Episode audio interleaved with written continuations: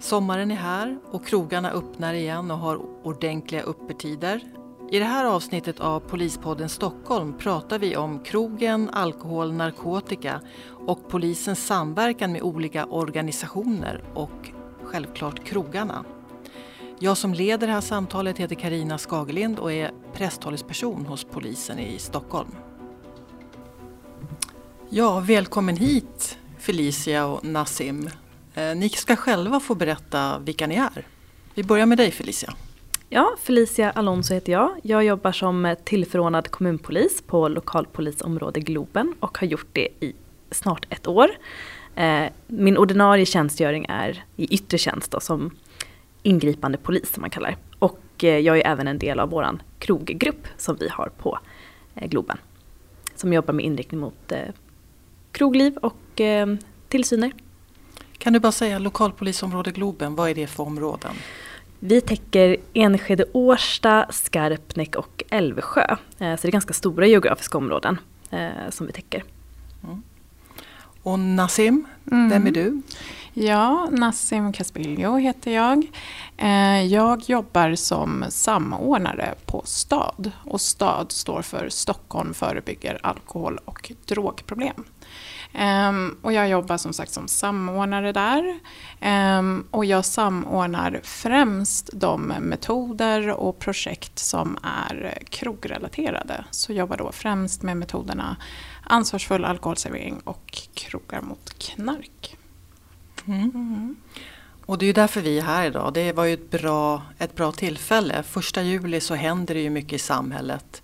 Eh, krogarna får eh, nya öppettider eller, mer, eller obegränsade öppettider. Sommaren är här, många går på semester mm. och många kanske är lite extra sugna av att gå ut och träffa människor. Så vi ska ju prata lite om eh, krogar, ungdomar, alkohol här idag.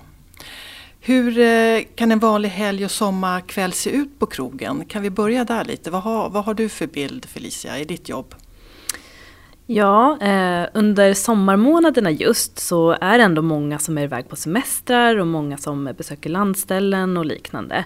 Eh, så generellt sett så tycker jag ändå att somrarna brukar vara ändå hyfsat eh, under kontroll och lugna. Eh, men självklart så har vi också ett eh, uteliv som pågår inte bara kopplat till helgen utan de har ju även öppet kanske längre under vardagar. Så att vi ser ju mer aktivitet över hela veckorna och inte bara under själva helg helgerna. Eh, även ifall det fortfarande är under helgerna då det händer som mest. Eh, mycket folk som är ute, mycket uteserveringar. Eh, även vissa av våra krogar har ju delar som är utomhus som utnyttjas under sommarmånaderna. Så det är väl det vi ser bland annat. När du jobbar som ingripande polis då, som vi säger, när man är ute, man, man åker på larm 112. Är en stor del av ditt jobb egentligen i vanliga fall runt krogar och utelivet? Eller hur ser det ut i ditt område? Ja, till viss del. Eh, just på våran polisstation så har vi ju eh, en specifik resurs som är riktat mycket att jobba mot den här problematiken. För att vi har mycket problematik kring våra krogar och eh, nattliv. Eh, det är mycket våldsbrott och annat som sker runt de här och mycket ordningsstörningar. Mm. Eh, så därför har vi ofta en riktad resurs som arbetar mot den specifika problematiken. Så, men det kan ju även hända att vi som jobbar i den vanliga verksamheten också behöver stötta om det är så att det behövs extra resurser. så annars skulle jag säga att att vi har det behovet att mm. ta ut extra resurs för att jobba mot krogrelaterad problematik. Ja, vi finns ju där människor är helt enkelt och ska se till att det blir tryggt och säkert där. Ja, precis. Mm. Nassim, vad ser du? Din bild? Din, eh, du har ju ja. stora kunskaper om det här. Ja, precis. Um, ja, men det krogbranschen säger är ju att um, ja, men dels så har ju de drabbats, hela besöksnäringen har ju drabbats extremt hårt av hela pandemin och alla restriktioner. Eh, så de har fått eh, säga upp och släppa en massa personal. Och nu är det ju ett sånt övergångsläge när det börjar återgå till lite av det här normalläget. Att där är de, det börjar bli liksom full rulle med eh, speciellt uteserveringarna och sommartider och lättnader. Eh, men så är de underbemannade också. Eh, och i och med att de har fått släppa en del personal så har de ju också gått miste om, viss, om en viss kompetens och kunskap och så behöver man eh, väldigt snabbt nu ehm, få dit resurser, ny personal som ska jobba för att kunna ta emot de här stora bokningarna eller ja, vad det nu än är för olika events som sker. Ehm, så det är det läget många i ehm, krogbranschen är i. Ehm, och att bara för att restriktionerna kanske börjar lätta och släppa nu men för branschen i sig så är det ju en lång återhämtningsprocess där. Ja, jag tänker vi, polisen samverkar med många andra organisationer och det är ju ett skäl till att vi gör det. Runt, mm. du, du, nämnde det här tillsammans med restaurangerna, olika utbildningar och med er på mm. stad. Kan du beskriva syftet med det? Det är ju inte för att folk inte ska få ha kul och gå på krogen utan det handlar ju om att skapa en trygg miljö. Kan du ge lite exempel på vad det här samarbetet som vi har innebär mer konkret? Mm. Kan du göra ja, det? Ja, och det är ju rätt så intressant för när vi på stad har ju samarbeten med andra länder inom EU och så, eh, så kan det ju många gånger vara att Eh, just inom krogmiljön så vill inte krogbranschen alltid ha kontakt med polisen. Men det krogbranschen säger här är ju, det efterfrågas ju. Man vill ju att polis ska vara på plats. Man vill att det ska vara en tryggare miljö. Det efterfrågas. Så för oss är ju vårt samarbete med polisen otroligt viktigt. Ehm, och dels kan det ju vara i situationer, dels strategiskt, att vi diskuterar vissa saker. Hur ska vi nå ut till allmänheten? Hur kan vi tillsammans med krogbranschen jobba för att skapa en tryggare miljö för alla som vistas? Mm. Um, och utanför, även ute på gatan, att det ska vara tryggt för dem. Um, men också jobba med utbildning till exempel. Det är jätteviktigt att polisen får komma dit, berätta från deras perspektiv. Varför jobbar vi på det sättet vi gör? Så att det verkligen når ut till eh, de som jobbar inom branschen. Eh, men också att polisen tycker att det är värdefullt i att de får kontakt med, med eh, folk som jobbar ute i, i branschen. Och det blir deras ögon och öron när de själva sen är ute och tillsynar eller bara besöker krogar. Mm. För jag tänker, man går ut och går, eh, ska kunna känna sig trygg på krogen, det pratar vi om. Men det är också så att eh, skälet till att polisen jobbar där mycket det är att när man är, är berusad så kan man både vara den som begår brott och råkar illa ut på det sättet och den som blir utsatt för brott. Men, men har ni någon, eh, kan ni berätta mer om krogarna har ju, som du var inne på, också mm. ett ansvar. De får ju inte servera hur mycket alkohol som helst. Kan ni kommentera det? Vad, vad, finns det för begränsningar och hur mycket kan man egentligen dricka och vad händer om, om man, som vi kallar det, överserverar mm. så att mm. människor faktiskt inte kan ta hand om sig själva? Vill du kommentera något runt det eller någon av er? Ni får välja, Nassim eller Felicia. Ja, men jag kan börja flika mm. in då. Eh, eh, vi eh, anser ju, det finns ju, dels är det ju reglerat i alkohollagen eh, vem som, hur full du får vara mm. eh, när du ska servera någon alkohol. Eh, och det handlar ju mycket om det du säger, att vi vill minska risken för folk att begå brott och eh, bli utsatt för brott. Eh, är någon märkbart påverkad av alkohol, det vill säga att man märker att den här personen är berusad, man sluddrar, man kanske går lite ostadigt och hänger med ögonlocken och kanske slumrar till lite Eh, serverar du då den här personen alkohol eh, då är risken ganska stor att den här personen sen inte kommer kunna ta hand om sig själv för att man har druckit alldeles för mycket. Eh, och det blir då en överservering. Eh, då begår ju också den personen som serverar den här berusade människan ett brott mot alkohollagen. Eh, och syftet med det är ju just att alltså, säkra upp eh, personernas trygghet eller besökarnas trygghet när de är på krogen. Eh, du ska känna dig trygg med att gå ut och känna att du behåller kontrollen över dig själv. Får jag bara följa upp där. Och den som då har druckit lite för mycket, man har tagit för många glas, den begår ju inte brottet här. Nej, Utan precis. den kan i värsta fall bli omhändertagen av polis för tillnyktring så att säga. Det är ju inte så att man eh, begår ett brott då, eller? Nej, precis. Man begår inte ett brott genom att vara för full. Nej. Eh, det gör man inte. Mm. Och eh, ofta ifall man märker att någon är märkbart påverkad inne på krogen. Om jag till exempel som polis är inne på en krog och gör en tillsyn och jag märker att här är någon som är märkbart påverkad. Då brukar vi ofta tillkalla ordningsvakter eller annan personal som då säger till den här personen att nu är det dags för dig att gå hem. Ja. Så det är väl det som kan hända om man råkar dricka för mycket. Det är det värsta som kan hända egentligen i det läget. Ja, ja. förutom då omhändertagande ja, biten. Precis. Mm. Ja.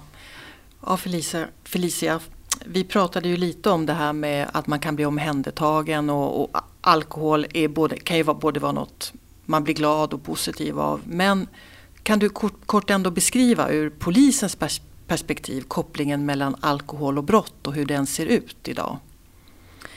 Ja, eh, om vi tar vårt lokalpolisområde som exempel. Eh, vi eh, ligger ju i arenaområdet vid Globen där vi har mycket eh, nattklubbar som eh, är öppet både i slakthusområdet och längs Arenavägen.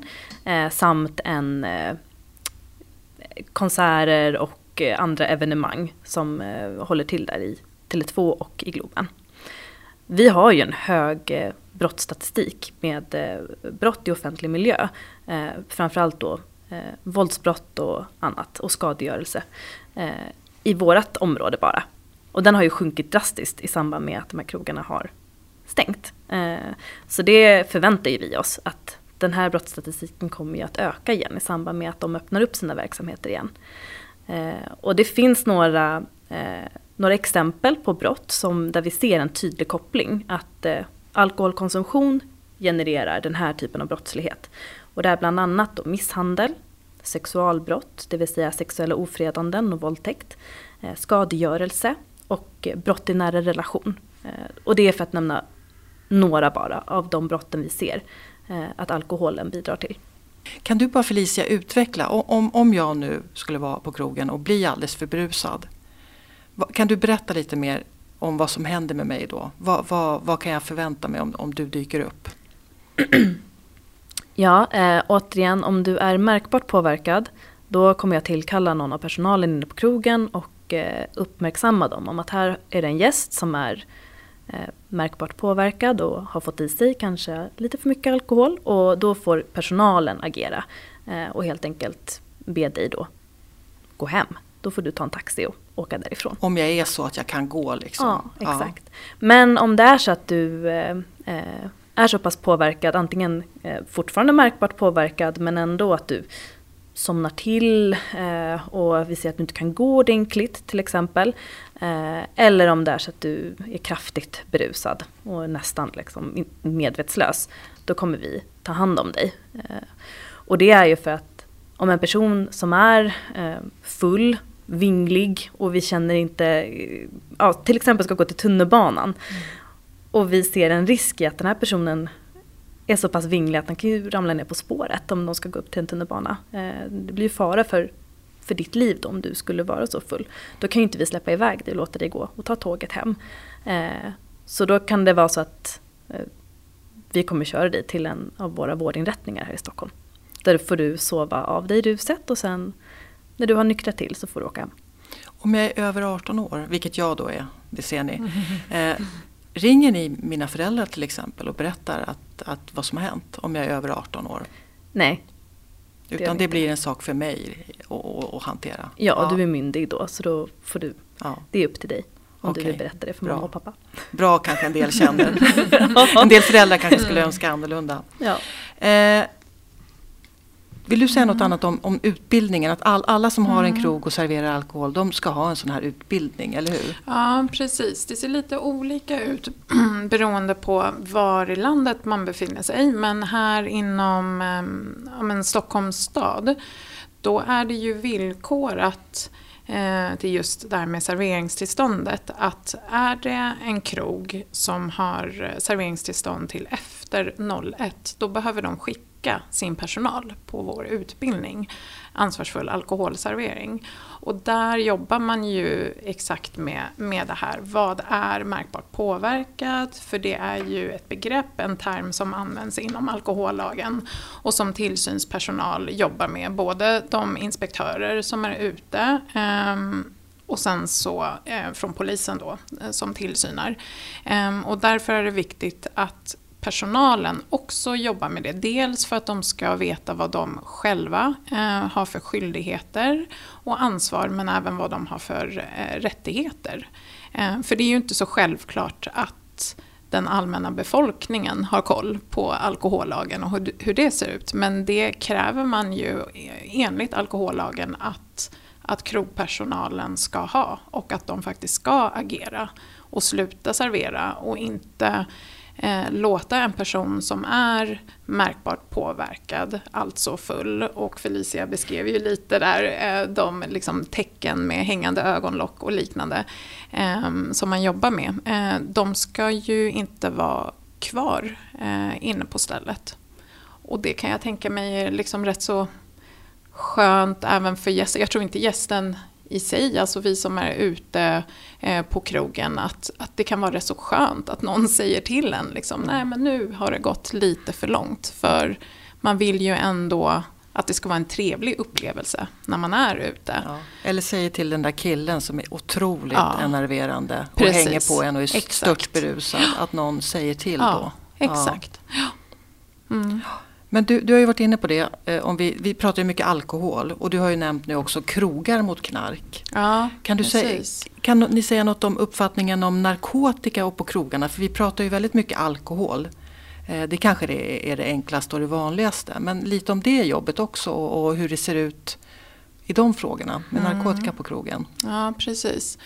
Um, ja, så krogar mot knark, det är en evidensbaserad metod som vi använder oss av på stad. Och med evidensbaserad uh, så menar jag att på stad så jobbar vi att um, så fort man vill ta fram någon form av insats, det kan vara liksom samverkan, det kan vara utbildning eller annat, då behöver man först göra någon form av kartläggning. Se så här, vad är problembilden?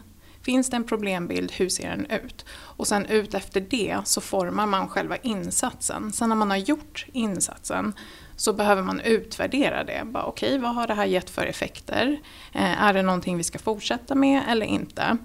Och sen så behöver man följa upp det om man då bestämmer sig för att jobba med det. Men då är krogar mot knark en sån metod som vi började med ja, för ett bra tag sedan, 2001. Ehm, och den har ju visat sig vara effektiv. Så där jobbar vi ihop med myndigheter som till exempel polisen och tillståndsenheten. Eh, tillsammans med krogbranschen. Eh, för att skapa en tryggare miljö. Mm. För våra gäster som besöker men även för krogpersonalen. Mm. Felicia, förlåt, din bild av ja, knark, eh, knark på krogen? Ja, eh, det är vanligt med knark på krogen. Eh, vi ser det mycket när vi är ute och jobbar. Eh, och här är också någonting vi ofta märker att eh, krogpersonalen vill gärna att vi är där och jobbar mot narkotikaproblematiken. Så vi förstår att de tycker att det är problematiskt att deras klubb eller restaurang blir en arena för brottslighet. För det är ju faktiskt det det är. Det är brottsligt att knarka och det är brottsligt att inneha knark. Eh, och eh, någonting som vi också ser mycket när vi är ute i just krogmiljöer och arbetar mot narkotika, det är att eh, många av de här personerna som är påverkade av narkotika eller innehar narkotika är ostraffade sedan innan. Så det är ofta man träffar på personer som aldrig har begått ett brott någonsin som sen blir misstänkta för narkotikabrott. Och det är ju oroväckande på många olika sätt, tycker jag i alla fall. Att det blir en plats där helt vanliga ostraffade människor kommer i kontakt med brott när man är ute och ska ha trevligt på krogen.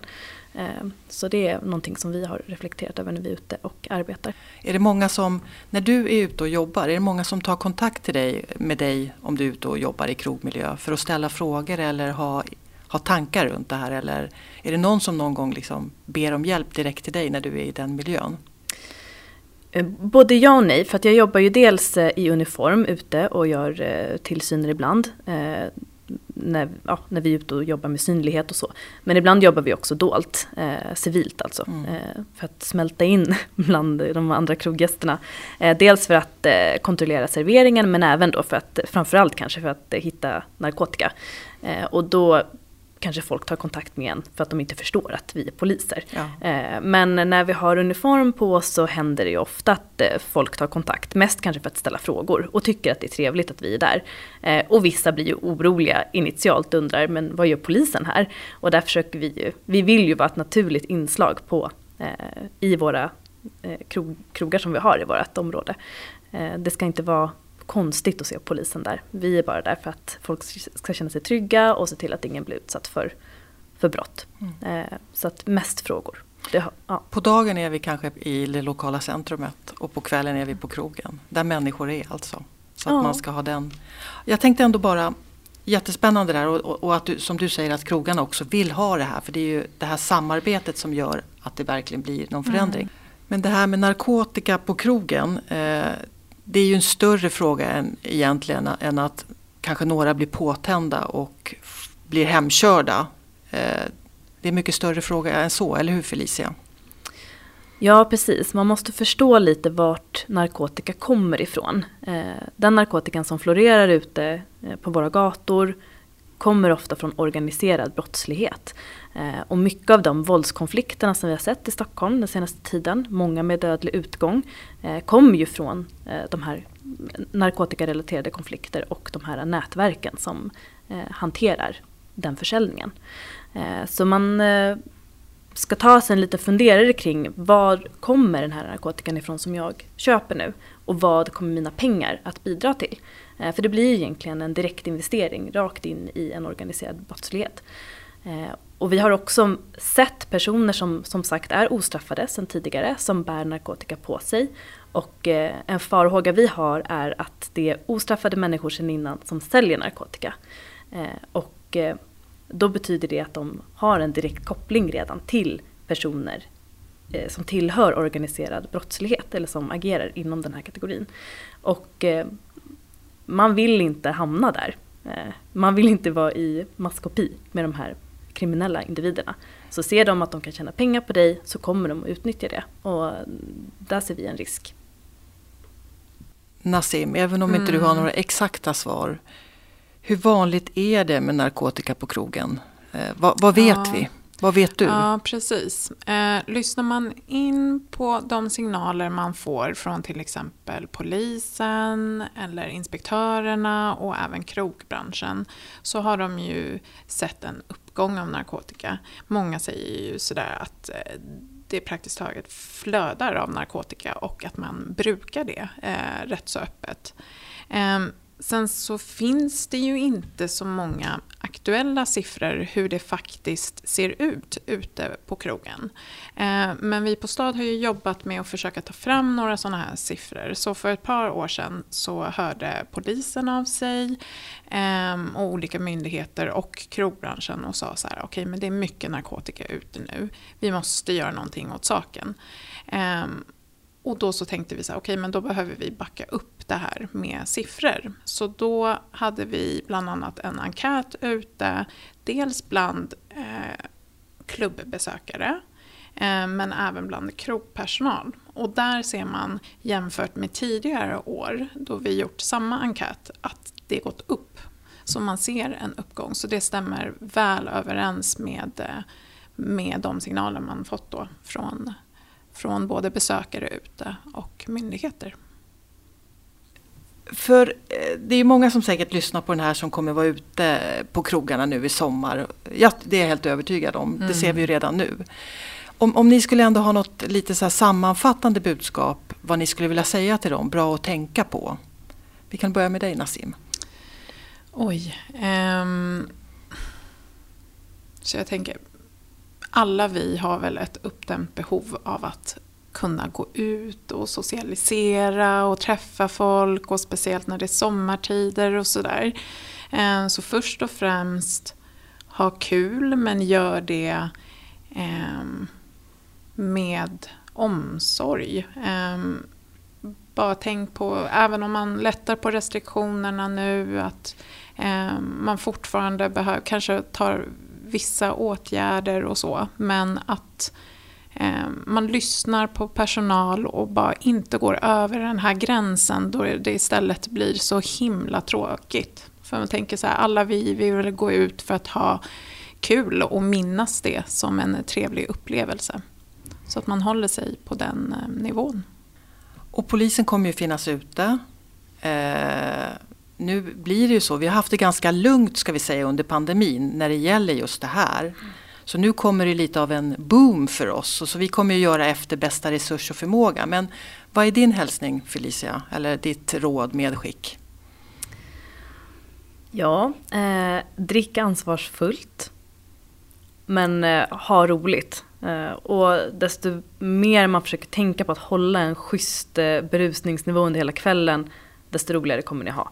Eh, då kommer vi låta er vara ute längre och likaså kommer krogpersonalen låta er vara ute längre. Så att eh, ha roligt men eh, dricka ansvarsfullt. Ja, och nu hoppas vi väl allihop på en riktigt bra sommar framför allt. Ja, Ja. Men, verkligen. Då vill jag tacka er för att ni kom hit. Felicia, tack. Tack! Nassim, tack. Stort tack.